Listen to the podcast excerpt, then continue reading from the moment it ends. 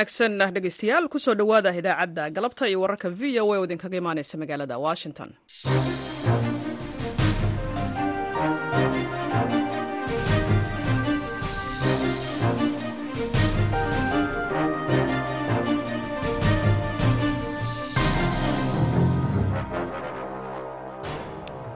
Waa maalin isniin ah bisha febraayo ee sanadka kana waa lix. Waxaad naga dhegaysanaysaan mawjadaha gaagaaban ee tobanka iyo sagaaliyo mitrban iyo bogga v o a somaly com. Saacadda afrikada bari waa afartii galabnimo idaacadda galabta iyo wararka v o a. Waxaa idiin daadihinaya anigoo ah caashe ibraahim aadan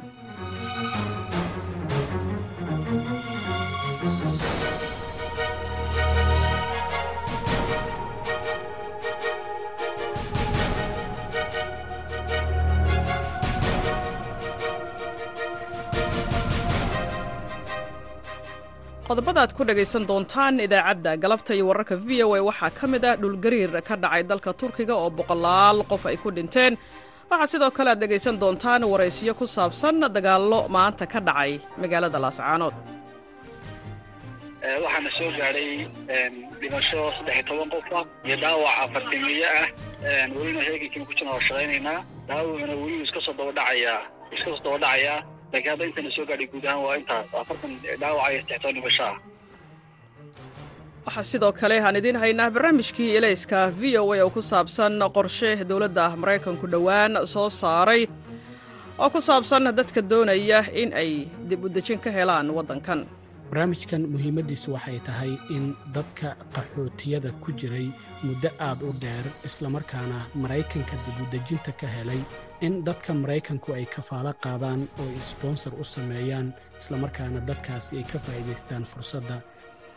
Warar kale oo ku saabsan caalamka iyo soomaaliya ayaan idiin haynaa balse marka hore waxaad ku soo dhowaataan warka caalamka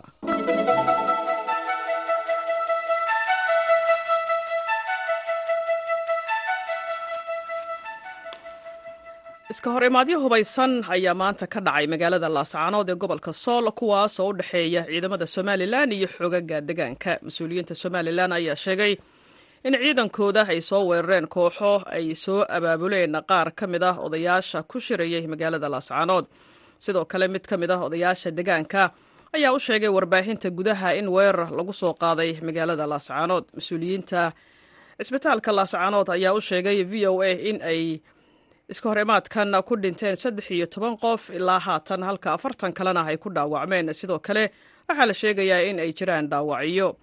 Iska hor imaadyadan ayaa yimid iyada oo maalmahan uu magaalada laascaanood kulan uga socday odayaasha dhaqanka degaanka kuwaas oo ugu baaqay ciidamada somalilan inay ka baxaan degaankooda sida ay hadalka u dhigeen madaxweynaha somalilan muuse biixi cabdi ayaa isagu hore waxa uu u sheegay inaan ciidamada laga saaraynin gobolka. Odayaasha ayaa maanta waxay soo saareen go'aano ay ka mid ahaayeen in degaanada s s c khaatumo ay ka mid yihiin dowladda federaalk soomaaliya ayna u taagan yihiin midnimo sida lagu sheegay qoraalkaasi. Dhulgariir xooggan oo cabirkiisu ahaa toddobo dhibic sideed magnatitude ayaa subaxnimadii hore isniintan waxa uu ku dilay in ka badan kun iyo saddex boqol oo qof dalka turkiga iyo waqooyiga suuriya waxaana la bilaabay baadigoob loogu jiro dadka badbaaday kana badbaaday ee burburka dhismayaasha hoostooda ku jira. Madaxweynaha dalka turkiga erdogan oo shir jaraa'id qabtay ayaa sheegay in turkiga ay ku dhinteen ugu yaraan sagaal boqol iyo labaiyo toban qof iyada oo ay ku dhaawacmeen ilaa iyo shan kun iyo afar boqol oo qof waxaana uu sheegay inaanu saadaalin karin inta ay la eg tahay tiradaasi oo ay kor u kici doonto iyada oo ay socdaan dadaalada baadigoobka iyo samata bixinta iyo in ugu yaraan laba kun iyo siddeed boqol oo dhismo ay halkaasi ku dumeen. Saraakiisha caafimaadka suuriya ayaa waxa ay sheegeen in ugu yaraan saddex boqol lix iyo labaatan qof ay ku dhinteen degaanada ee dowladdu gacanta ku hayso halka shaqaalaha gurmadkana ay sheegeen inay ugu yaraan boqol kale ku dhaawacmeen degaanada ay fallaagadu maamulaan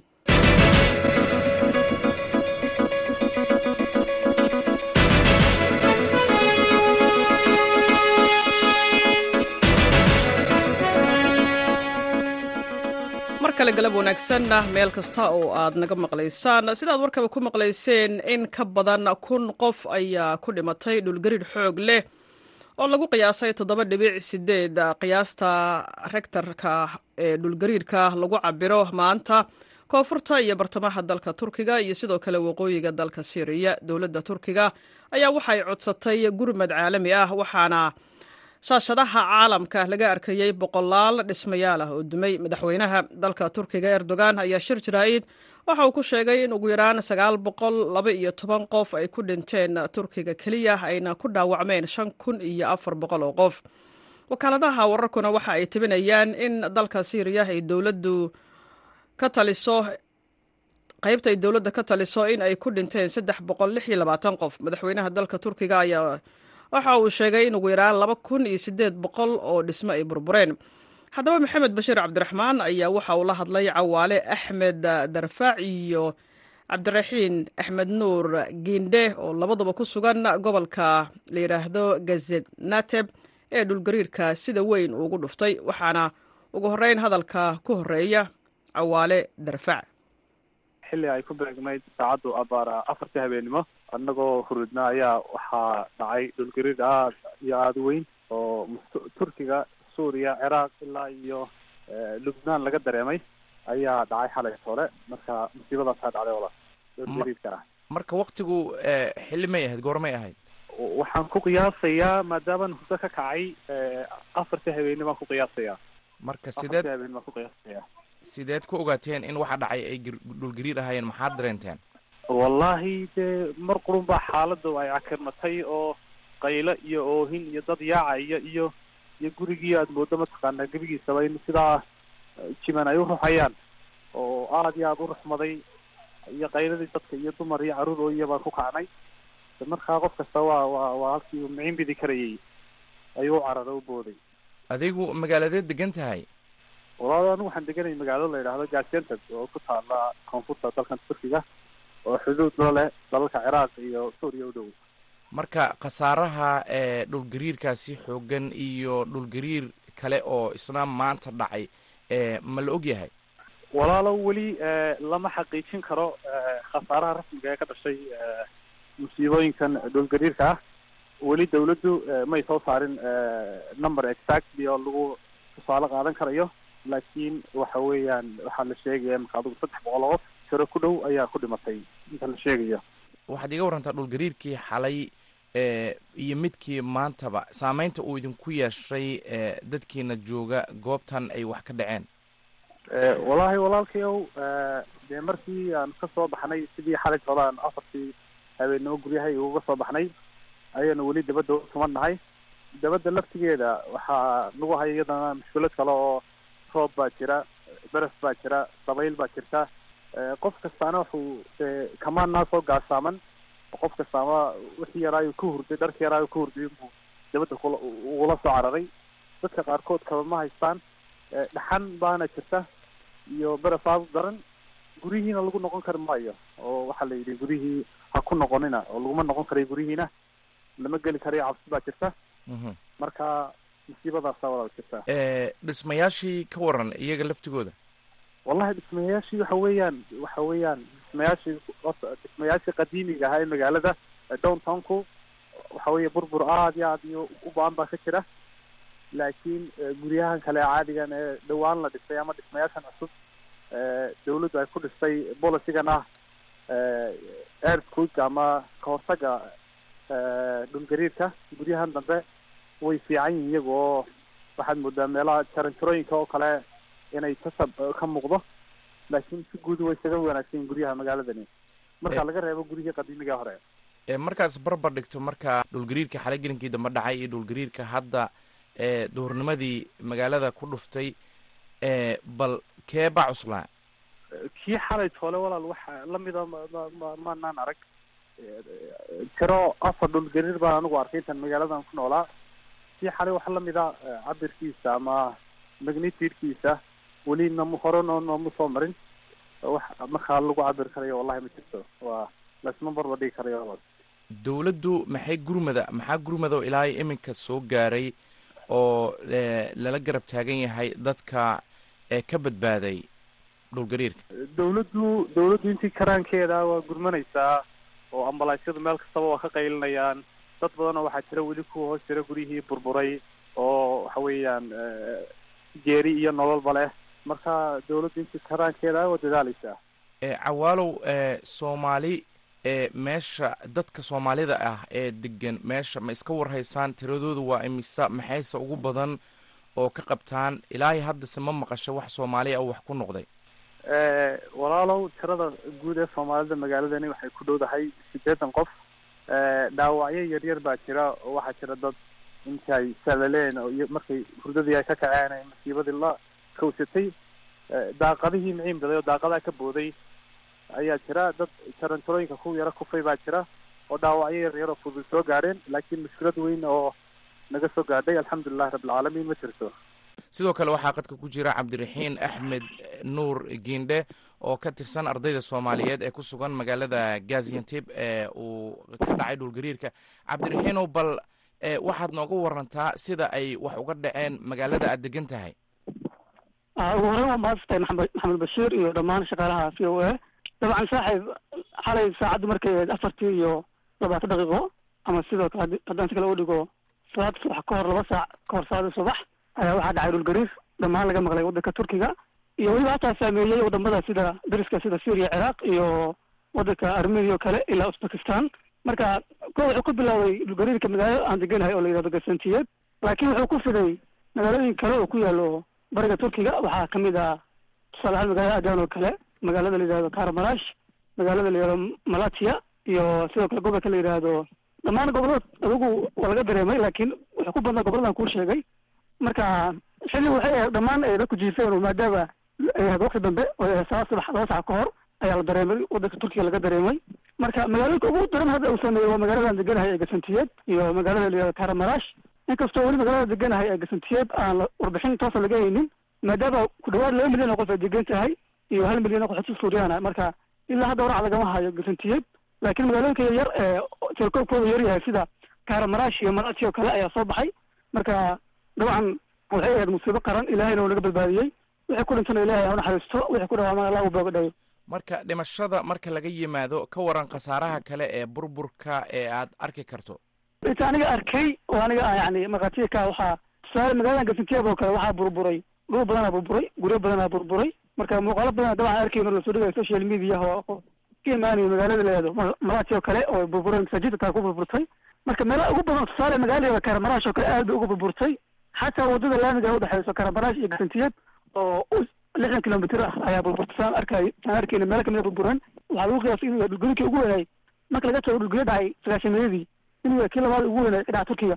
Sidoo kale wuxuu ku su'aalay xilli aan la filaynin moogtahay sababtoo ah waxaa jirto hay'ad la yidhahdo afad oo qaabilsan arrimaha musiibooyinka qaranka turkiga. Marka marka dhulgariirka uu soo dhaweeyay ayaa waxaa jira application ay isticmaalaan dadka turkiga ah oo telefonka isla markiiba kuu sheegayo inuu dhici rabo dhulgariir kadibna qofka uu uu raadsanayo meel uu ku gambado. Xale marka maadaama ay ahayd afartii habeennimo xilli qof waliba uu jiifay ahayd xilli telefonka la maqlaya maahayn oo gariirka la fahmi karay. Marka tusaale anagoo kale adeetan soomaalideen oo kale adaan kaaga warramo ardaydeena soomaalida alxamdulilah wax dhibaato sooma gaarin? Laakiin maadaama aan yani soomaaliya ka nimaanay alxamdulilah waddan barwaaqaan ka dhimaanay oo dhibaata waxaan musiibooyinkan aysan ka jirin oo ilaahay oo nagu manaystay anigu maan ogeyn barnaamijka maana fahamsanayn. Keliya waxaan maqli jirnay dhulgariir baa dhaca laakiin si toosa weli maana arkin. Kii u horreeyay waxaa marka aniga tusaale ahaan oo kale xalay markay tobankii habeennimo ama sida saxda ah afartii iyo toban daqiiqo ayaa waxaan dareemay in sariirta aan ku jiifay ay korgeeda kacayso in guriga aan deganayo ahay dabaq aan deganahay diyaanada shanaada ka deganahay dabaqu inuu liciliicayo liciliicayo marka waa kacay oo saaxiibkii baa ag fadhiyey oo isagana yani qolka ila jiifan waan fiiriyey isagana sidoo kale waa sariirta waa dhacaysa ilaa boorsooyinka nagu daataan oo yani armaajooyinkii wixii dhamaaye ay dhulka ku soo dhacaan marka keliya waxaan awoodna waxay inaan yani maadaama aan dabaqa shanaad joogno inaan mataqaanaa inaan isbadbaadino ka soo degno waa ka soo degno alxamdulilah waxaan ugu qaadatay hal daqiiqo inaan maadaama jaranjarada uu jaranjarada dabaciin dabaqu aad u badboodaysay usalaasha macnaa iska dhib badneed marka si taxadir alxamdulilah waa ka soo degnay wixii oo yani dhalinyarada ka degan iyo wixii kaloo awooday. Laakiin dadka waayeelka oo digu ay ay ugu badan tahay. Qaarkoodna shooga gaaray qaarkood waa ku dhinteen. Cawaale axmed darfaac iyo cabdiraxiin axmed nuura gendhe oo u warramayey maxamed bashiir cabdiraxmaan ayay ahaayeen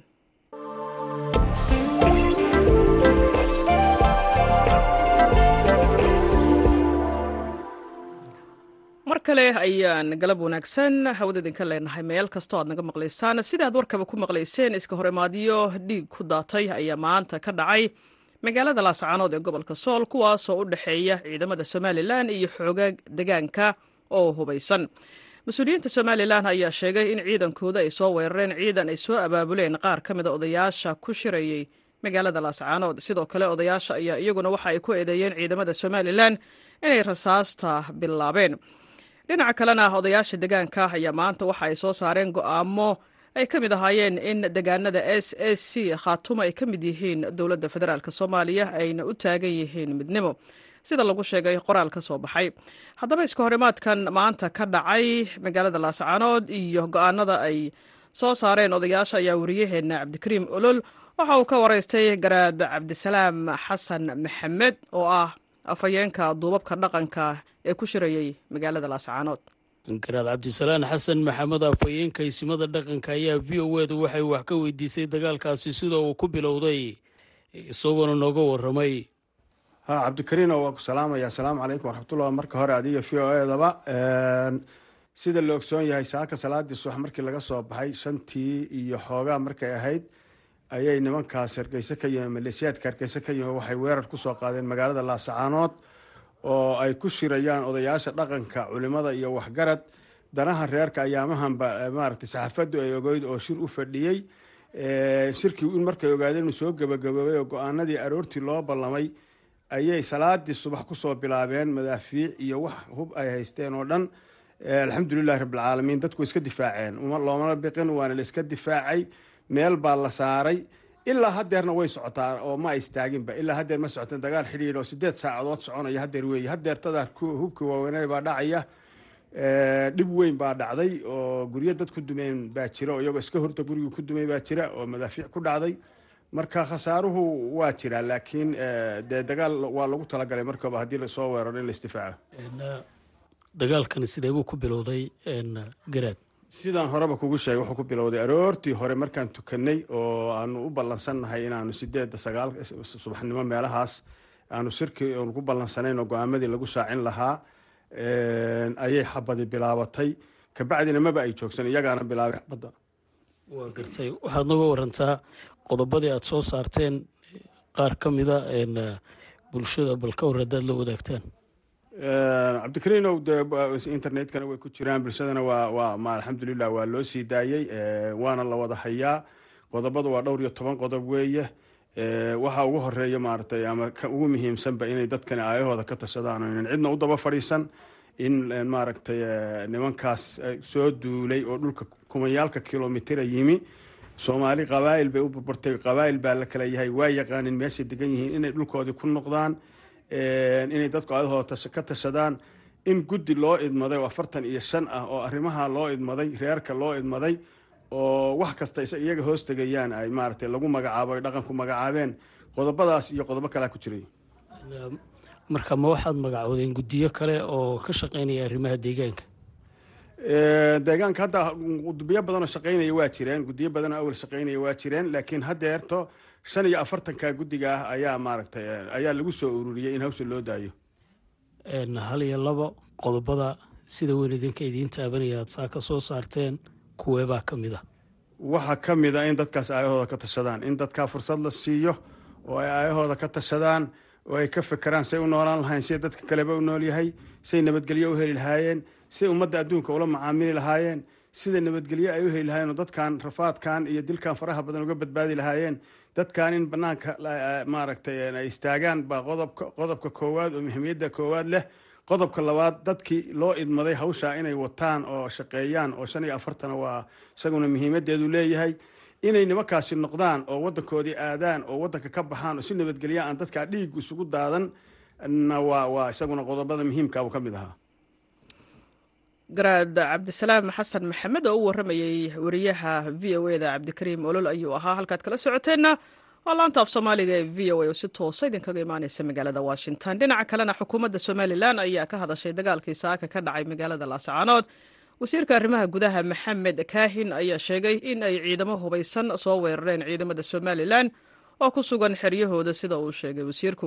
Warkan waxaa magaalada hargeysa ka soo diray wariyaha v o eda khadar maxamed cakulle wasiirka arrimaha gudaha somalilan maxamed kaahin axmed ayaa ka hadlay markii ugu horraysay dagaalka saaka ka dhacay magaalada laascaanood wasiirka ayaa waxa uu sheegay in ciidamada somalilan oo xeryahoodii ku sugan la soo weeraray subaxnimadii hore ee saaka. Saaka shantii iyo barkii subaxnimo in ciidan hubaysan oo tignika wata oo hoobiyayaal wata oo baasuukayaal wata ay weerareen qaar ka mida xeryihii ciidamada qaranka. Ciidamada qaranku ilaa iyo hadda way iska caabiyeen. Xeradoodiina may dhaafin. Ilaa iyo iminka xeryahoodii baanay ku sugan yihiin. Waxaa weerarka wada ilaa saacaddan iminka anigu aan hadlayo ciidamadii ay garaadadu soo abaabuleen ayaa weerarka ilaa iyo iminka wada. Dagaalka saaka ujeedadiisu waxa weeye waa kii markii hore ee ay yimaadeen qaarkoodna aanay imaninba ay ku dhawaaqeen in dagaal lagu xoraynayo laascaanood cidda laga xoraynayo aan la garanaynin.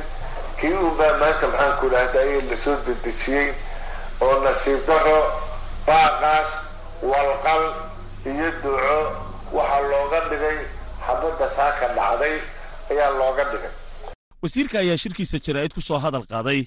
Farriin dardaarana oo u diray shacabka isimada iyo ciidamadaba isagoo ku baaqay in xabadda la joojiyo. Waxaa dhinaca kale wasiirku isdul taagay in garaadada iyo isimada magaalada laascaanood ku sugan ay ku sii sugnaadaan si arrinta nabad loogu soo dabaalo iyaguna markhaati uga ahaadaan.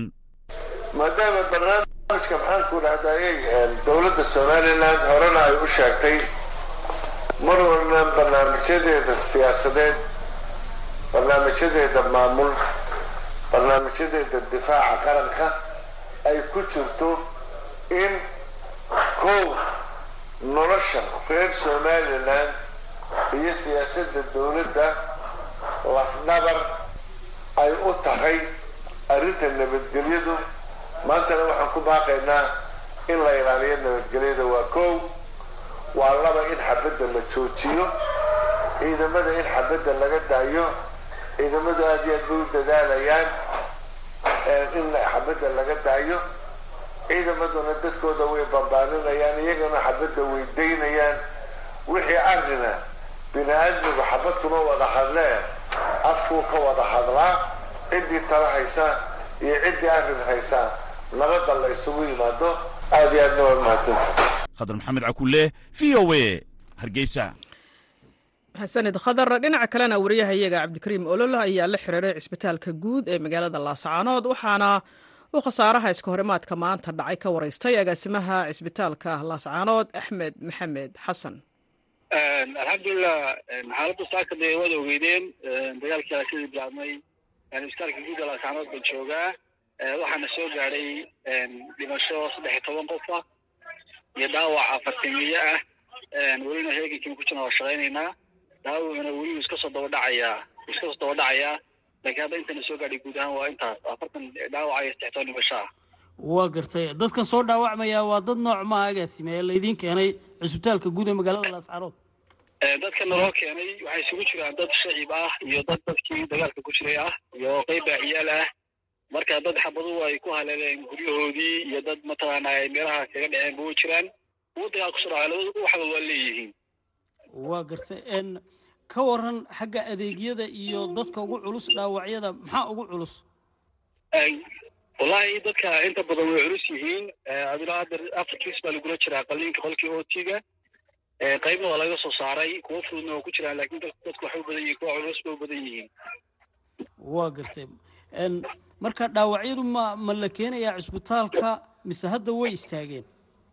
May weli waa la keenayaa ambalaasyadii waa shaqaynaya hadda hubabka weli waa dhacaya waa maqlaynaa ambalaasyadii waxay ku jiraan meesha wax ka dhacayaan. Hadda mid bay soo wadaan weli soo hadlayeen. Marka hadda waa gogoos laakiin weli jiraan waa gartay. Maxaa idinku culus ka caafimaad ahaan maadaama xaalad culus aad ku jirtaan oo dad aada u badanna la idiin keenay ka caafimaad ahaan?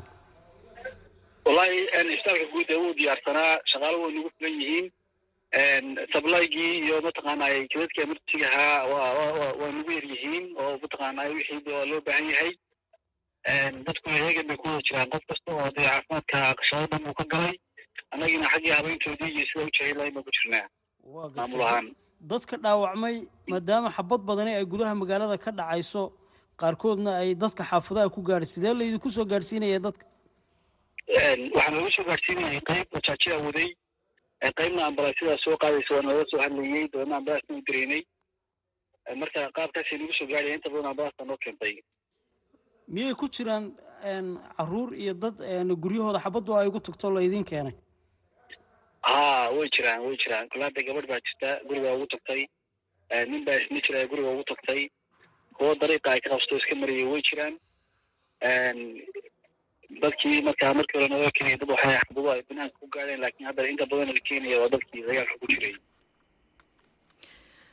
Kaasi waxa uu ahaa agaasimaha cisbitaalka laascaanood axmed maxamed xasan oo u warramayay wariyaha v o e da cabdikariim olol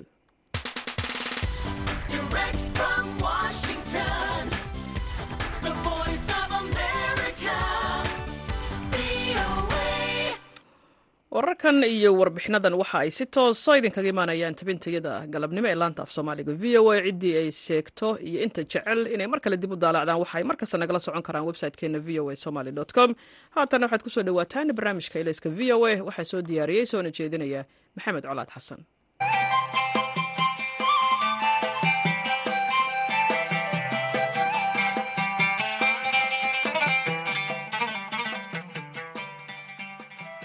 wasaaradda arrimaha dibadda ee dowladda maraykanka ayaa dhammaadkii bishii hore ku dhawaaqday barnaamij cusub oo muwaadiniinta maraykanka ay ku kafaalo qaadi karaan muddo kumeel gaara qaxootiga doonaya dib u dejinta. Barnaamijkan oo lagu magacaabay the welcome corps ayaa ah barnaamij tijaabo ah oo wejiyo kala duwan leh. Barnaamijka the welcome corps waa adeeg cusub iyo fursad ay dadka maraykanka ah u fidinayaan qaxootiga doonaya badbaado iyo xorriyad. Taa beddelkeedana wax ka beddeli kara bulshadooda sidaasi waxaa lagu qoray bogga gaarka ah ee mashruucan. Si wada jira ayay kooxaha wax kafaalo qaadaya ay u soo dhoweyn doonaan dadka qaxootiga ah ee imaanaya maraykanka iyagoo u diyaarinaya guryo kumeel gaar ah. Garoommada diyaaradaha ku soo dhoweynaya markay imaanayaan carruurtooda iskuullada ka diiwaangelin doona islamarkaana dadka waaweyn ee qaxootiga ah shaqooyin la raadin doona ayaa lagu yiri qoraalka bogga mashruucan la soo dhigay garyaqaan amiin haaruun oo arrimaha sharciga ka shaqeeya kana howlgala gobolka minnesota ee dalkan maraykanka ayaa sharaxaya waxa uu yahay mashruucan. Colaado barnaamijkan cusub ee lagu soo kordhiyey barnaamijkii dibadejinta qaxootiga ee dalkan maraykanka ee hadda loo yaqaano welcome corp waxaa lagu dhawaaqay waa siyaasad cusub ama policy cusub oo xukuumadda madaxweyne joe biden ay ku dhawaaqday gaar ahaana wasaaradda arrimaha dibadda ay rabto in ay ku soo kordhiso nidaamkii dibadejinta loogu sameyn jiray. Dadka qaxootiga ahee maraykanku uu qaabilo ee uu rabo inuu dibadejin u sameeyo. Horaantii waxaa u jiri jirtay in maaragtay kow iyo toban urur ama hay'adood dadka ay dibadejin u sameeyaan. Markii la soo baaro oo nidaamka la soo mariyo oo qofku maraykanka uu soo gelayo in hay'adahaasi ay guryeyn iyo shaqogeyn iyo la qabsashada wadanka maraykanka sagaashanka beri ee hore ay qaban jireen. Marka barnaamijkan waxaad moodaa si in looga soo lunjeexay barnaamij canada ka jiro oo dadku ay hadal hayaan oo group five loo yaqaano. Way isu yar egyihiin waxayna isaga egyihiin halkii markii hore ay hay'aduhu dadka keeni jireen. Ayaa dowladda maraykanka ama xukuumaddan waxay rabtaa in maaragtay dadka maraykanka ku nool ama deganaanshaha rasmiga ah haysta ama muwaadiniinta ah in ay intay gurub gurub isu qabsadaan ay keenaan dad ama ay dibadejin u sameeyaan communitiyadooda iyo meelaha ay degan yihiin dad qaxooti ah oo maraykanku uu qaabilay inuu dibadejin u sameeyo. Sidaas ayaa hawshani ku bilaabatay. Waxa uu kaga duwan yahay sidii hore waa inay dadkaasi shacabka iyagu intay isxil qaamaan oo ay maaragta waqtigooda ay huraan dadkaasi ay dibadejinta u sameeyaan. Halkii markii hore hay'ado dowladda ay lacag ku siiso ay arrintan samayn jireen. Arrintan waa tijaabo cusub maaragtay sharci cusub oo soo baxayna ma ahayn waa siyaasad ay xukuumaddan la timid. Macnaheedu waxay tahay hadday xukuumad kala timaado inay sii wadayso inay wax ka bedelayso iyaday u taallaa marka waxaad moodaa dowladda maraykanku iyada oo ka jawaabaysa dad fara badan oo muddo dheer xeryaha qaxootiga ku jiray qoysas ay qaarkood horey dibadejin ugu samaysay oo dee ay aheladoodii iyo qaraabadoodii ka hadheen in ay rabto in ay fursad u siiso in maaragtay ay ballaariso sidii dadka lagu keeni jiray. Hay'adihii dadka keeni jiray oo hore sidii bay u jiraan laakiin tani waxay ku soo kordhisay oo keliya in dadka ay iyaguna ay si iskooda intay shaksiyada cayimaan ay dowladda ugu gudbin karaan qorshihii ay dibudejinta ugu samayn lahaayeen kharashkii ay ku dejin lahaayeen iyo waxaana ay maaragtay iyagu ay u qorshayn lahayn u qaadan lahaayeen. Mashruucani sida dad badani moodaan qof walba kama faa'iidaysan karo. Waxaase jira shuruudo ku xeeran sida uu mar kale sharaxayo garyaqaan amiin haaruun marka dad badan ba waxay u malayaan maaragtay in arrintani qof walba uu ka faaidaysan karo dad yar baa ka faaidaysan kara waa qofku inuu qaxooti yahay qofka qaxootigiina waa maaragtay waa in dee uu ka diiwaan gashan yahay waddan kale oo waddankiisa yahay inuu joogo qaxootina uu ku joogo oo dowladdu maraykanku ay ku qanacdo inuu qaxooti yahay. Waxaa kaloo iyadana meesha aan ka marnayn in intii baaritaan iyo veding iyo maaragtay aragti iyo maaragtay baaritaan lagu samayn jiray dadka qaxootiga intaan la keenin intii waa sidii un waxba iskama bedelin. Dowladda maraykanka ayay ka go'daa imaashinyaha qofka laakiin markii waddanka yimaadaan iyo dibadejinta iyo arrintaas ayay maaragtay ku soo ku hor leh. Waxaa maaragtay dadkii caadiga ahaa ee u dacwoonayay qoys ama maaragtay qaraabo dhowkiis iyo ilmihiisii iyo xaaskiisii iyo taas iyadu waa sideedii marka arrintan shaqa kuma laha arrintan waxay khaas ku tahay qaxootiga dibudejinta qaxootiga. Marka sidaas dadku inay ogaadaan. Mara badan dadka waxay soo weydiiyaan qofku waxaan ka imid walaalkay waxaan ka imid walaashay waxaa maaragtay ma keeni karaa. Marka arrintani arrin uu qof keeni karo ma aha. Waa in dadku shan qof iyo ka badan intay isugu tagaan ay qofka magacaabaan ay rabaan in dibadejinta loo sameeyo qaxootiga ah. Inta iyagu cayimaan dhahan qofkaas waa qaxooti meel lu joogaa annaga oo gruubkan ah. Waxaan soo jeedinaynaa qofkaa inaan dibudejin u samaynayno hadday dowladda maraykanka keento dowladda maraykanka inay keentaan ka codsanaynaa. Taas weeye waxayna bilaaban doontaa nidaamkani sanadkan qeybtiisa dambe. Qeybta hore waxaa lagu bilaabayaa dad maaragtay ay dowladda maraykanku wax walba soo marisay oo diyaar ah ayaa hadda la soo qaadayaa qeybta hore. Laakiin sanadka qeybta dambe ayaa loo ogolaan doonaa dadkan volunteerkii ina iyagu iskood ay yidhahdaan maarata dadkaasaan rabna inaan keenno waa arrintaas sidaas weeye runtii qoysas badanoo in badan kala maqnaa. Waxay suurtagal u noqonaysaa in maaragtay ay keenaan dad waxaa jira ka tirsanaa aabihii hooya wada dhaleen oo dee ama guursaday ama da-doodu weynaatay oo qoyskii laga reebay oo aan wax kale looga reebine. Dee requirementii dadka lagu keenayo qoyska un ka baxay. Hadda marka dadkaasi jaanis ayay fursad ayay u tahay inay qoysaskaasi dib u midoobaan oo ay maraykanku ay mar kale dibadjinkooda helaan. Waa maasanta cilmi waare oo ka faallooda arrimaha maraykanka barnaamijkanna si dhow ula socday ayaa isna sharaxaya waxa uu yahay iyo sida uu ku soo bilowday mashruucan. Colaad waa mahadsan tahay barnaamijkan welcome cobs haddii aan si kooban kuugu sharaxo. Wasiirka arrimaha dibadda ee maraykanka antony blinton ayaa sagaaliyo tobankii bishii january ee hadda dhammaatay ee sanadka labada kun iyo saddex iyo labaatanka ku dhawaaqay. Barnaamijkan muhiimadiisu waxay tahay in dadka qaxootiyada ku jiray muddo aada u dheer islamarkaana maraykanka dibudejinta ka helay in dadka maraykanku ay kafaalo qaadaan oo sponsor u sameeyaan islamarkaana dadkaasi ay ka faa'iidaystaan fursadda ay maraykanka ku imaan karaan.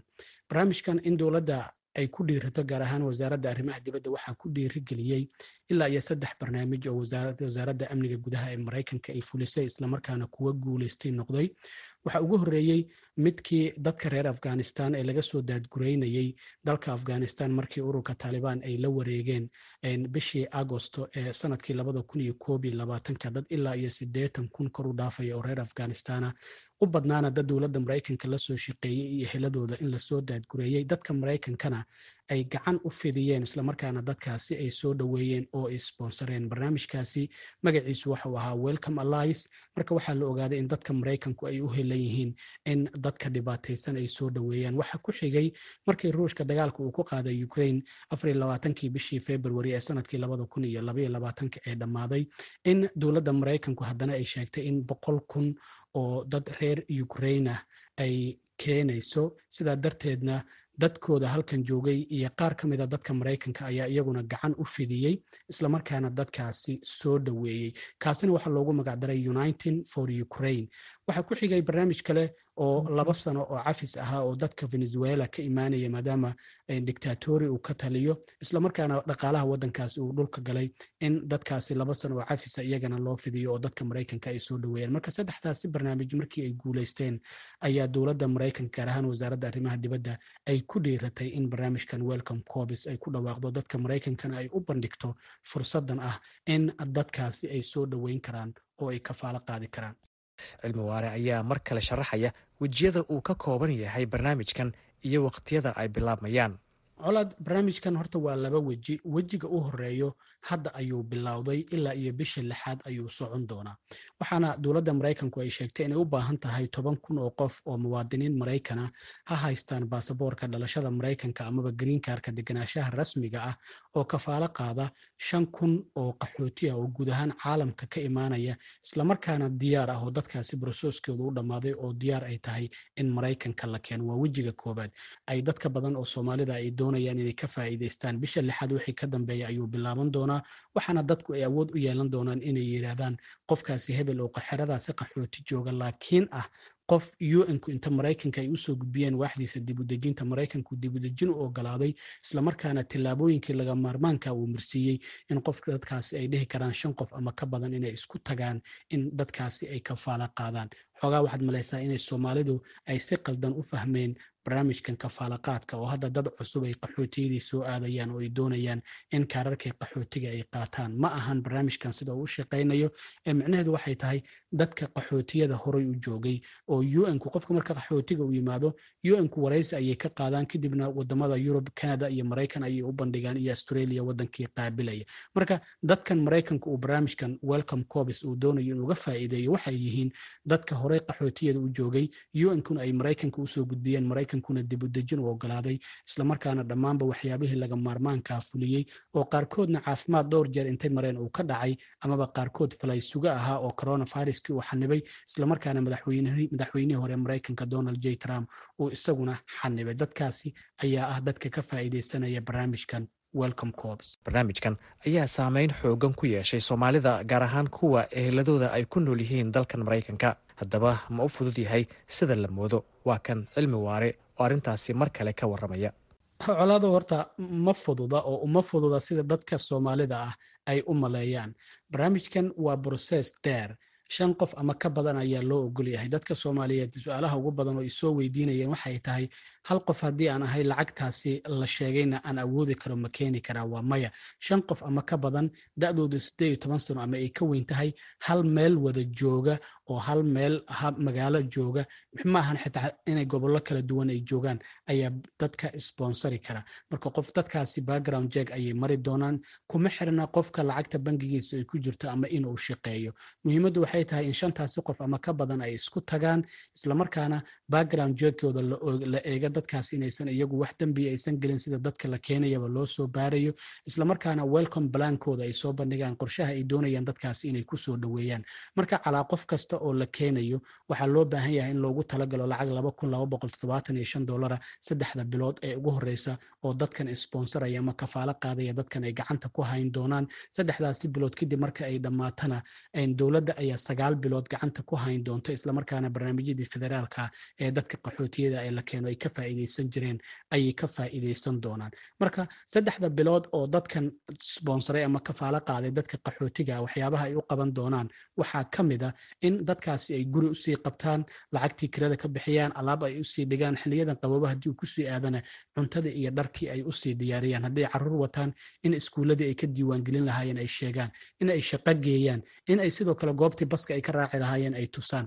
Haddii marka tobankaasi bilood saddexda bilood oo dadka sponsoray gacanta ay ku haynayaan dadkan la keenay ee qaxootiga iyo sagaalka bilood ka hor haddii qofkaasi intuu wadankii la qabsado uu leysinkii qaato uu baabuur helo uu qof isku filan noqdo dowladdu waa ay u fasixi doontaa qofkaasi inuu cagihiisa isugu taago. Marka sida ay soomaalidu u malaynayso ma ahan brosesku waa broses dheer dadka dadka kafaalo qaadaya ay marayaan oo sidoo kale in ay foom buuxiyaan inay welcome blankooda ay dowladda u bandhigaan in sidoo kale ay aeroboortka tagaan oo ay dadkaasi soo dhoweeyaan. Marka ma ahan dadka waa kafaalo qaadaya oo waa keenaya. Soomaalidu sida ay u qaateen in qof waliba dadkiisii qaxootiyada joogay amaba kuwo cusub oo weligood qaxooti u noqon ay keeni karaan. Amaba sidoo kale in sida ay dowladdu ay ka damacsan tahay oo dowladdu in dadkan muwaadiniinta maraykanka ay dadkan qaxootiyada ku jira muddo ay kafaalo qaadaan oo ay soo dhoweeyaan maadaama dadkan maraykanku aysan dadkan aqoonin dowladdu sidaas ayay u damacsan tahay. Laakiin soomaalidu waxay rabaan in dadkoodii qof waliba uu keeno. Marka qaabka dowladda barnaamijkan ay ka damacsan tahay iyo sida soomaalidu ay u qaateen amaba ay rabaan inay barnaamijkan ay wajahaan xogaa waa kaaf iyo kala dheeri waana arrin loo baahan yahay in ay soomaalidu ogaadaan. Haddii aan kuugu daro waxoogaa sharaxaad kooban aan kaa siiyo labada weji ee barnaamijkan wejiga koowaad waxuu yahay mid hadda bilowday ilaa iyo bishii lixaadna socon doona. Marka dowladdu toban kun oo qof ayay u baahan tahay oo si mutadawacnimo ah shan kun oo qaxootiya oo diyaara in la soo qaado maraykanka ilaa iyo bisha lixaad la keeno kafaalo qaada. Marka marka dadku shanta qof ay noqdaan oo gruubka ah iyagu awood uma leh inay doortaan dadka ay soo dhoweynayaan wejiga koowaad. Oo dowladda ayaa u keenaysa in qofkii ay rabto diintuu rabana ha haysto marka wejiga koowaad waa kaama dooran karti dadka lagu keenayo laakiin waxaad ballan qaadaysaa dadkan saddexda bilood oo u horreysa inaad kafaalo qaadayso. Marka waa wejiga labaad oo bisha lixaad iyo wixii ka dambeeya bilaabanaya wejiga aad doorashada leedahay oo aad dhahayso qofkaas ama qoyskaas oo xero hebel jooga ayaan rabaa inaan soo qaado. Sidaan hore u sheegayna dadku inay noqdaan waa dad qaxootiya maraykankana dib u dejin ka haysta. Marka labada weji sidaasi ayay kala yihiin. Ilaa iyo bisha lixaad haddii aad isdiiwaan geliso micnaheedu waxay tahay dowladdu qofkii ay rabto ayay kuu keeni kartaa. Laakiin bisha lixaad wixii ka dambeeyo ayay dadku doorasho leeyihiin oo ay dooran karaan. Qofka ama qoyska ay doonayaan in loo keeno markii barnaamijkan lagu dhawaaqay ayaa waxaa soo badanayay dadka horay si iskooda uga tegay xeryaha qaxootiga ee dhadhaab ee dalka kenya oo hadda dib ugu noqonaya iyagoo ay ku abuurantay rajo cusub. Wariyaha v oda uga soo warramay xeryahaasi cabdisalaan salas ayaa warbixintan barnaamijka elayska uga soo diray dhadhaab. Iyadoo maalmo ka hor wasaaradda arrimaha dibadda maraykanka ay shaacisay in muwaadiniinteeda ay kafaalo qaadi karaan eheladooda qaxootiga kuwa caalamka qaybihiisa kale ayaa arrintaasi waxaa si weyn ugu farxay. Qaxootiga ku nool xeryaha dhadhaab ee dalka kenya kuwaas oo wakhti dheer ku haminayay in mar uun dibudejin ay ka helaan dalka maraykanka si ay uga baxaan nolosha adag iyo duruufaha qaxootinimo. Qaar ka mida qaxootigaasi ayaa barnaamijka elayska uga warramay sida ay u arkaan dhawaaqan ka soo yeeray wasaaradda arrimaha dibadda maraykanka ee ku aadan dibudejinta qaxootiga magaceyga saddexaad waxaa waaye cabdikariin cabdulaahi cabdinuur cabdisalaan adigoo mahadsan marka koowaad. Marka labaadna waxaan dhihi lahaa arrintan arrin dareenkeen wax badan ka bedelo waaye maadaama aan sugayo muddo toban sano boroseeska maraykanka ah. Maantana ay soo cusboonaatay wax la dhahayo welcome covers qaxooti walboo dunida dacladee saaran inuu wadankaas hadduu nasiib u yeeshay inuu aadi karo. Hadduu helo qof oo kafaalo qaadi karo maadaama aniga ahaa aas ka hadlaya cabdikariin oo ay ku nool yihiin walaalihii oo afar gaarayso maraykan ay joogaan waxaana jeclahay aanan rabaa inaan dib ula midoobo qoyskeyga oo ku nool wadanka maraykanka. Magaceedu waa anas maxamed cali ku nool xarooyinka dhadhaab. Waxaan aad aad ugu faraxsanahay maadaama aan nahay arday ka mid a ardayda ku nool xarooyinka in muddo aana xaalada ku jiray dhammeeyey dugsigii waxbarasho meeshana qaxooti iska tahay aad iyo aadaan u soo dhaweynaya ballanqaadkii kafaalaqaadkii inoo ballanqaaday dowladda maraykanka. Siduu ka dhawaajiyey wasiirka arrimaha dibadda taasna waxay noo tahay dhiirigelin weyn maadaama muhiimadii iyo waxa kaliya loo joogo waxaa waaye cimiladan iyo kuleelkan loogu jira qaxootigan in la helo dibudejin waddan saddexaad dowladda maraykanka waa dowladda keliya boqolkiiba toddobaatan hore u qaadi jirtay balse hadda cushuurteena lama soo koobi kara iyo farxadeena waayo waxaanoo la ballanqaaday in macnaha qof walba qofkiisa uu soo qaadan karo waddanka uu keen karo afartankii sano ee tagtay arrimaha dibudejinta waxaa maamulayay hay'ado dadka qaxootiga soo dhoweeyo iyadoo arrintaasi jirto ayaa maalmihii la soo dhaafay xeryaha waxaa soo gaarayay qaxooti horaan ugu diiwaan gashnaa xafiiska arrimaha qaxootiga kuwaas oo dib ugu soo laabtay xeryaha si ay u furtaan kaararka qaxootinimada oo horaan ugu xirmay. Magacayga waa aadan daro osman. In badan waxaan deganaa xerada qaxootiga dhadhaab cabdisalaan dad badan oo xerooyinka ka tegey ayaa hadda dib ugu soo laabanaya xerooyinka qaarkooda nairobi degey gaars degey muqdisho degey etoobiya dad bakaa soo wacayo oo rabo dib inay u furtaan kaararkoodii. Sifa ah hadda ay group fiveka dadkoodii maraykanka aaday ay u soo dacwoodaan. Oo buufis ay u helaan jans ay u helaan ay hadda ku baxaan. Arrintan buufiskan hadda oo ay sheegeen dalka maraykanka ay soo cusboonaysiin rajo weyn ay keentay. Isbedelka magaalada hadda aragta gujiye cusub a imaaday. Guryihii waxay noqdeen qaar kiradooda said ay noqotay meelo guryi waa laisdaba wareegaya. Waayo dadkii rajo fiican soo gasha haddii qof dad buufis ay maqlaana waa bis oo dib bay u soo wada noqonayaan hadda kaararkii waxaa arkaysaa toban sano ka hor qof kaar ka tegay dhahay kaarkeyga malii furi karaa. Hadda boona qaadanayo. Asbuucan soo dhaafnay intaasoo kun ayaa la diiwaangeliyay oo qaxooti ah oo soo wada laabanayo. Dadkii dhallinyaradii hataa qaarkood ka tashtay soomaaliya ka helay shaqo. Hadda kaligood kaararkooda in loo furo dib ay ugu soo noqonayaan xerooyinka dhadhaab. Maadaama wixii aad tahay waxaa iska bixinaysa lacag oo aad ku aadi karto maraykanka. Dadkii ka tagay aaday kafali iyo maxaa uganda oo dadka soo wacayaan weydiinaya xaalka suu yahay iyo arrintaas ay u dhacayso. Nin kasto dadku waraysanaya meelaha fadhi kudirarka hadda aragto waxaa laisweydiinayaa kanada group five maraykanka. Keebaa qaalisan keebaa fiican keebaa lagu bixi karaa. Waxyaabaha oo maanta adalhaynta ugu badan oo qaxootiga laisweydiiyey waa taas. Dhinaca kale siyaad aadan oo ka mida maamulkii hore ee xeryaha waayo badanna u soo joogay nolosha qaxootiga ayaan weydiinay. Muhiimadda qaxootiga uu u leeyahay go'aankan ka soo baxay dowladda maraykanka ee ku aadan dibudejinta kafaalaqaadka ah ee la siinayo qaxootiga ku nool caalamka. Waa mahadsantahay cabdisalaan marka hore waa v o eda dhammaantiin waa idin salaamaya magacaygu waa siyaad aadan. Waxaan deganahay xeryaha dhadhaab gaar ahaan dhagaxley waxaan ahaa liidhaaskii hore qaxootiga waxaa la degaya soddon iyo dhowr sano.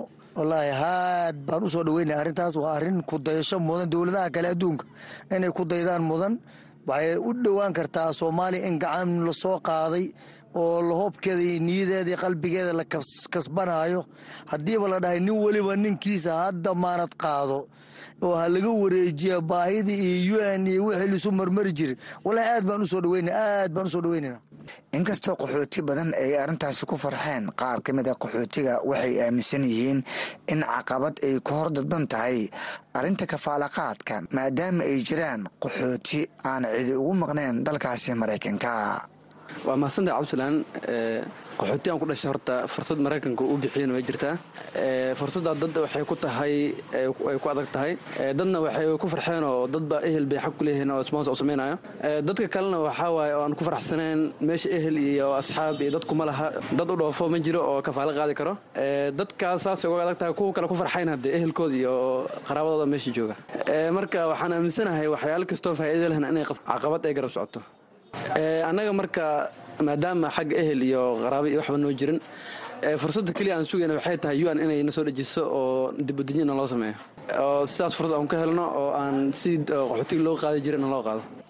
Cabdisalaan salas v o a xeryaha dhadhaab ma aha dadka qaxootiga ah ama muhaajiriinta ah kuwa barnaamijkan uu saameeyey ee sidoo kale waxa uu saameeyey soomaalida ku nool maraykanka oo taleefanno iyo su'aalo weydiin joogto ah oo la xiriira barnaamijkan kala kulmaya eheladooda qaar ka mid ah oo uu waryaheena maxamuud mascade kula hadlay minnesota ayaa barnaamijka elayska v o eda uga waramay sida ay barnaamijkan u arkaan iyo noloshooda maraykanka magacayga waxaa la yidhaahdaa maxamed cali axmed oo waxaan ku magac dheerahay deqow maraykanka waxaa imid ilaa iyo hadda ayaana joogaa. Noloshayda iyo sida ay tahayna waa mid isbeddel weyn ku dhacay waqtigaa imid ilaa iyo hadda oo aad u wanaagsan maasha allah alxamdulilah aad iyo aad ayaan ugu faraxsanahay sababtoo ah dhammaan ummadda soomaaliyeed waxaan ognahay inay wadamo adduunka ay ku firaarsan yihiin ayagoo qaxootiyaal ah isla markaasna ay holdan hold ay ku jireen qaxootinimo in lagu keeno waddanka maraykanka.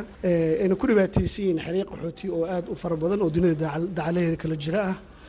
Runtii waxay wax ka bedeli doontaa dhammaan dadkaas qaxootiga naga ah oo aan imaan karin wadankan ilaa iyo markino sharcigan hadda soo baxay uu ogolaana inay yimaadaan ay ku yimaadaan wadanka maraykanka. Ay wax ka bedeli doontaa noloshooda inay wax ka bedesho oo ay nolol ay samaystaan mustaqbal leh midda ilmahooda ama midda reerkooda ayaan jeclahay inay wax ka bedelsho haddii ilahay raalli ka noqdo runtii waan jeclahay in aan uga faa'iideeyo dhammaan familkeyga inta aan is leeyahay waxbay ka qabsan karaan waddanka maraykanka ama ha ahaato waxbarasho ama ha ahaato shaqo labadaba. Taariikh ahaan soomaaliya sidii civil warka u dhacay oo qaxootiga aan u soo yacnay since kii oo waddanka ugu horreeyey qaado oo wax badan noo fidiy wuxuu ahaa waddanka maraykanka ilaa iyo muddona way socotay qaxootinimadaas oo dadkeenna waan keenayna ilaa iyo ay ka istaagaysay qaxootinimada dadka ay yimaadeen. Waxaan ognahay marka dadkaas faraha badan ee la soo qaaday nolosheenna soomaaliya wax ay ka bedeshay waa ognahay oo waa aragtay dadkeennii dhaqaalihii heleen. Noloshoodii waxbaan ka bedelnay lacagihii aan diraynay oo wadankeena gelaysa xataa dhaqaalaha wadankeena kor ayay u qaaday. Marka waxaan rajaynaha dadkan kale oo cusub imaan doonaan waxay fududayn doonaan oo keliya ay culaabta ka qaadayaan. Lacagaha anaga keliya aan dirayno waxay nala qaybsan doonaan inaan lacagii dib ugu celino wadankii dhaqaalihiina uu sii kobco soomaaliya maanta waxaa u inay ka duwan tahay sidii hore waxaana sabab u ah aniga aan aaminsanahay since ki dadkii lacagta u diraya soomaaliya ee qaxootinimadu ku yimid wadamadan reer galbeedka gaar ahaan wadankan hadda aan joogno maraykanka. Fursadana waa fursad aada u wanaagsan waxaan ilahay ka baryaa in ay noo fududaato haddii ilahay raali ka noqdo. Bismillaah magacayga ugu horeyn waa taqi bashiir xasan maraykanka waxaan imid o sevenkii ayaan imid. Ilaa iyo hadda afar iyo toban sano ku dhowaad ayaan joogaa. Waxaana ka imid dalka bakistan actually hadda b h d holder ayaan diyaarinaya xagga waxbarashada ah. Waana shaqeeyaa. Alxamdulilah rabbi caalamiin nafteeda iyo ummaddeedana wax waan taray. Alxamdulilah horta sida dabeecadda ka ah dalkan laba magac ayuu caan ku yahay. Land of opportunity waxa la yirahdana waa la yidhahdaa land of immigrantina waa la yidhahdaa halkaasi macnaha qof walba oo jooga waa la kala horeeyey mahane caddaan iyo madow wixii la ahaadaba waa muhaajiriin waddankaa yimid. Hadba qofba sida hadba taagtiis iyo tabartiis sida uga faa'iidaysto ayay dalkan ay tahay macnaha. Dalkan dad gooni ah ma lahan. Arrintan iyada ahna riile aad ayay ii farxa gelisay group five. Sida uu dadka iga horeeyey walaalahii deeq oo deeq uu sheegaybo dee waxtar xoog leh ayay u leedahay. Wayna ka duwan tahay aan filayaa xilliga aniga aan imid oo waddankani dhaqaalihiisa uu aada u hooseeyey oo shaqala-aan ay jirtay. Laakiin waxaan is leeyahay arrintan iyada ah in waddankii fursado opportunity shaqo aad dadkii oo retire noqday covid nineteen-kii dhibaato badan dhacday meel walba hadda ay hire ku qoran tahay. Actually way jiraan. Qoyskayga reer bashiir xasan qoys badanaa walaalo badanaa maqan. Awalna meel aan u marna aysan jirin. Laakiin iminka sida aan rajaynaa insha allah inay noqdaan dadka ugu horreeya yimaado ee ka faa'iidaystaa dadkana inta badan waa ku gubaabiyaayo. De waa wax hadda maaragtay aysan aysan dhiigna ku xirnayn. Saaxiibtinimo friendly casabiyad dadka lagu keeni karo.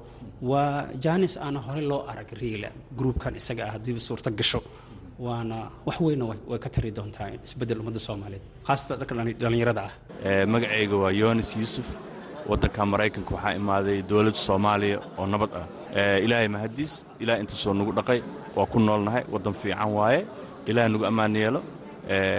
Waxaa maqlay brogram la yidhaahdo maarata in soomaalida maaragtay imaanayso oo qaxootiga la keenaayo waa wax fiican qofkii rabo inuu waddanka arko opportunitigiisa maaragtay ka faa'iidaysto ixtiraamo sharciga iyo waddankan maaragtay dhaqankiisa. Annaga si kastoo muslim u nahay meelba aan tagno waxaa fiican inaan edab la tagno waa soo dhowaynaya ra'yi fiican waaye. Waxaan dhihi lahaa qofka ilaahay calaf u geliyo inuu ka faa'iidaysto wallaahi dad badan oo way ka faa'iidi doonaan saan rajaynayo. Wax walbana waa calafka ilaahay. Qofka ilaahay saantiis soo qaada meeshaan yimaado faa'iido weyn oo ka helayaa inay carruurtiisa wax asiga shaqaysto horumar gaaro waddankeenna dhisanno oo gurigeenna soomaaliya hooya haddii ilaa yidhaahdo wallaahi aniga waxaan u hadlayaa horta soomaali ahaan. Dadka horean ka dambeeya magaca soomaaliyaan weli wataa alxamdulilah laakiin maadaama familkayga qofna uusan ka maqnayn alxamdulilah oon generationka dhan intay u wada badan yihiin. Haddana waa jeclaan lahaa dad badan oo walaalay inay jaaniskan ka faa'idaystaan oo maaragtay opportunitigan aysan ilaahay nooga soo qaaday dowladda maraykanka inay maaragtay ka faa'idaystaan waa rajaynayaa. Aad umahadsanta maasha allah magacayga waxaa la dhahaa farxi tahliil. Maraykanka waxaan ku imaada qaxootinimo u n ta ay keentay u n h c r. Sanadkan hadda wuxuu ii yahay koo iyo toban sanaan joogaa. Maasha allah broses fiicanay ahayd waana barwaaqownay shaqsiyan barnaamijka group ka markaan maqlay aadaan ugu farxay. Haddana shuruudihiisa markii laloo sheegay oo la dhahay waxaa kow prioritiga la siinayaa mudnaanta ugu horeyso dadkii awal ku jiray qaxootiga. Marka dadkaas intaasoo sano xeryaha ku jireen jaaniskan haddii wax loogu soo kala fududayna ayagaa marka hore xaq u leh. Wixii soo hara kabacdina dadkii ka faa'iidaysanaya cidna kama hor istaagaysa laakiin kow waxaan dhihi lahaa aniga aada ugu farxay go'aanka in dadkaas marka hore mudnaanta la siiyo. Wallaahi taleefonkii kala qaadis male waa laysu soo wacaaya barnaamijkaas maka warqabtaa la leeyahay. Baadiyaha dhuusamareeb dadaa nooga soo direen linkiga arrintaa ma la socotiina la dhahay. Marka dadka ayagaaba kaa dheg dheer waanu jeclaan lahayn qof walba inuu jaanis helo laakiin yaa la kala gaaraa waaye. Qofkii ilaahay uga faa'iideeyana waa kaalmaynaynaa qofkii kaleetana nasiibkiis. Xaashi shaafi oo ka tirsan dadka u dhaqdhaqaaqa arrimaha soomaalida maraykanka madaxna ka ah hay'adda somali action alliance ayaa walaac ka qaba dad badan oo uu sheegay in barnaamijkan lagu laabkiciyey intaas ku dali lahaa aan tala ahaan aan is leeyahay waan kula talin lahaa shacabiyowga soomaaliyeed ee caalamka gudihiisa daafiisa ku kala nool ama soomaaliya ha joogaan ama waddamada afrika qaxootiyada ha joogaan. Waxaan maqlayay dad badan inay hadda aaminsan yihiin in maraykan dadka la keenayo qaxootiyadu ay tagaan oo meelaha iska diiwaangeliyaan. Arrinkaas sax ma aha. Dadka waxaan odhan lahaa aan la bara kicin guryahoodii noloshoodii iyo noloshoodii waddankooda dib ha u dhistaan waddankeennii hadda soo toosaya biidnillaahi kariim cadowgii weynaa ee runtii in muddo ah ummadda ay u xayirneedna waxaan rajaynayaa mar in laga takhalusi doono meelo badanna maanta waa laga xoreeyey marka waddankeennii waddankaas qaaliga aan wada leenahay kulligeenna aan tabayno waqti un inaan u laabanno kuwa aan joogayaan leeyahay yaysan soo bixin oo yaysan la barakicin wax beenna ayaan loo sheegin cid maraykan idin keenaysaa ma jirto maraykan saas laguma imaado ma sahlana guryaheenna iyo lifekiina ayaan idinka soo burburin noloshiina aad haysateen haba idiin qallafsanaato yaan leeyahay yaa idiin wanaagsanta xare qaxooti ku jiri lahaydeen. Dad baa ilaa hadda soddon sano ku jira xare qaxooti. Intaasan rajo ku nool lahaa. Ilmihii lagu dhalay baa ilmo ku dhalay. Marka kuma rabo xare qaxooti waa dareemi kartaa xanuunka ay leedahay. Marka fadlan talada iga tahay talo walaalnimo talo soomaalinimo talo khabiir aan is leeyahay aqoon u leh howlahan inaysan sahlaneen marka fadlan dad kale taasaan ku waanin lahaa. Inkastoo wasaaradda arrimaha dibadda ee maraykanka ay ku tilmaantay mashruucan welcome corps hindisihii ugu wanaagsanaa ee dhinaca qaxootiga oo ay dowladda maraykanka ku dhiirato muddo afartan sannadooda. Haddana wadamo badan oo kuwa horu maray ah ayaa deeqsinimo u muujiyey qaxootiga oo soo dhoweeyey turkiga ayaa martigeliya tirada ugu badan ee qaxootiga dunida isagoo martigeliya saddex dhibic toddoba milyan oo qaxooti ah dalka colombiya oo ku soo xiga ayaa martigeliya in ka badan laba dhibic shan milyan. Dalalka bakistan iyo uganda ayaa iyana kiiba in ka badan hal milyan oo qaxootiya uu martigeliya sida ay sheegtay qaramada midoobay. Guud ahaan dadka lagu qasbay inay guryahooda ka cararaan oo qaxootinimo ay doortaan ayaa qaramada midoobay ay ku sheegtay inay ka badan yihiin boqol iyo saddex milyuun oo qof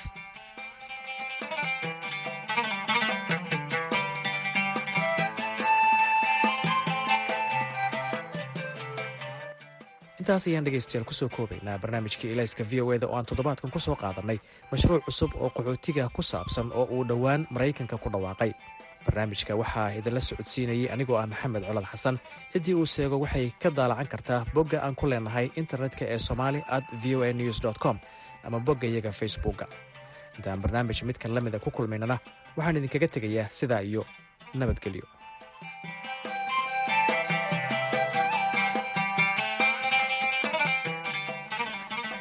mahadsaned colaad barnaamijkaasi waxaad kala socoteen laanta afka soomaaliga ee v o a. Haddaan qaar idinka xusuusiyo qodobada warka caalamka ugu weynaa dhulgariir xoogan oo cabirkiisu ahaa toddoba dhibic sideed magnatitude ayaa subaxnimadii hore ee isniintan maanta ah. Waxa uu ku dilay in ka badan kun iyo saddex boqol oo qof dalka turkiga iyo waqooyiga dalka suuriya waxaana bilaabatay baadigoob loogu jiro dad ka badbaaday burburka dhismayaasha soo dumay iska horimaadyo hubaysan ayaa maanta waxay ka dhaceen magaalada laascaanood ee gobolka sool kuwaasoo u dhexeeya ciidamada somalilan iyo xoogaga deegaanka. Haatana waxaad nala dhegaysataan heestan dabacsan oo ka mid ah heesaha aanu idinkugu hayno kaydka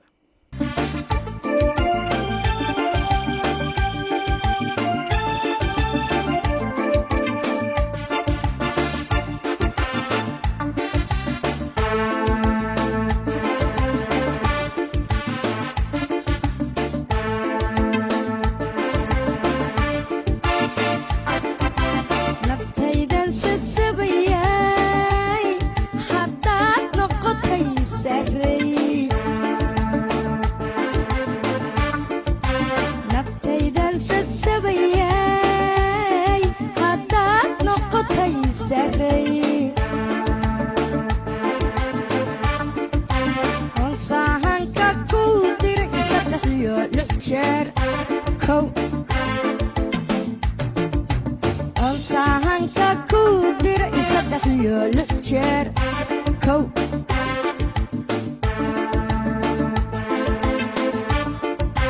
jacaylkana siriyo cad adogtahay siduu ya ragnaa ragnaa yahay isaga hormido jacaylkana siriyo cad adogtahay siduu ya ragnaa ragnaa yahay isaga hormido ka madhan siyaasadii sacaaba codkaasi dahabiga ah ee fanaanada seenab ciga maxamed ayaan ku soo gabagabaynaynaa guud ahaan baahinteennii galabta iyo wararka v o a oo idinla socodsiinaysay caashe ibraahim aadan. Intaan mar kale kulmayno waxaan dhammaantiin hawada idinka leeyahay sidaas iyo nabadgelyo